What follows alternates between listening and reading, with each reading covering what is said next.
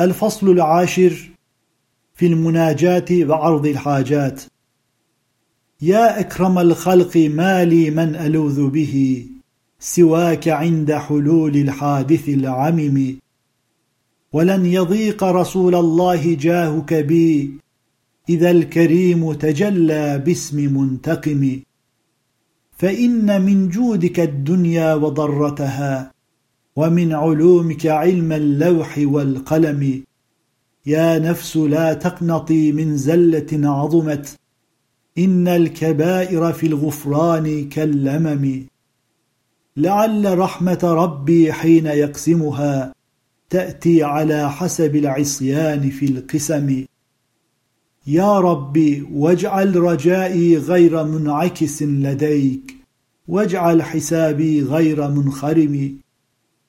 والطف بعبدك في الدارين إن له صبرا متى تدعه الأهوال ينهزم. وأذن لسحب صلاة منك دائمة على النبي بمنهل ومنسجم. والآل والصحب ثم التابعين لهم أهل التقى والنقى والحلم والكرم. ما رنحت عذبات البان ريح صبا وأطرب العيس حاد العيس بالنغم.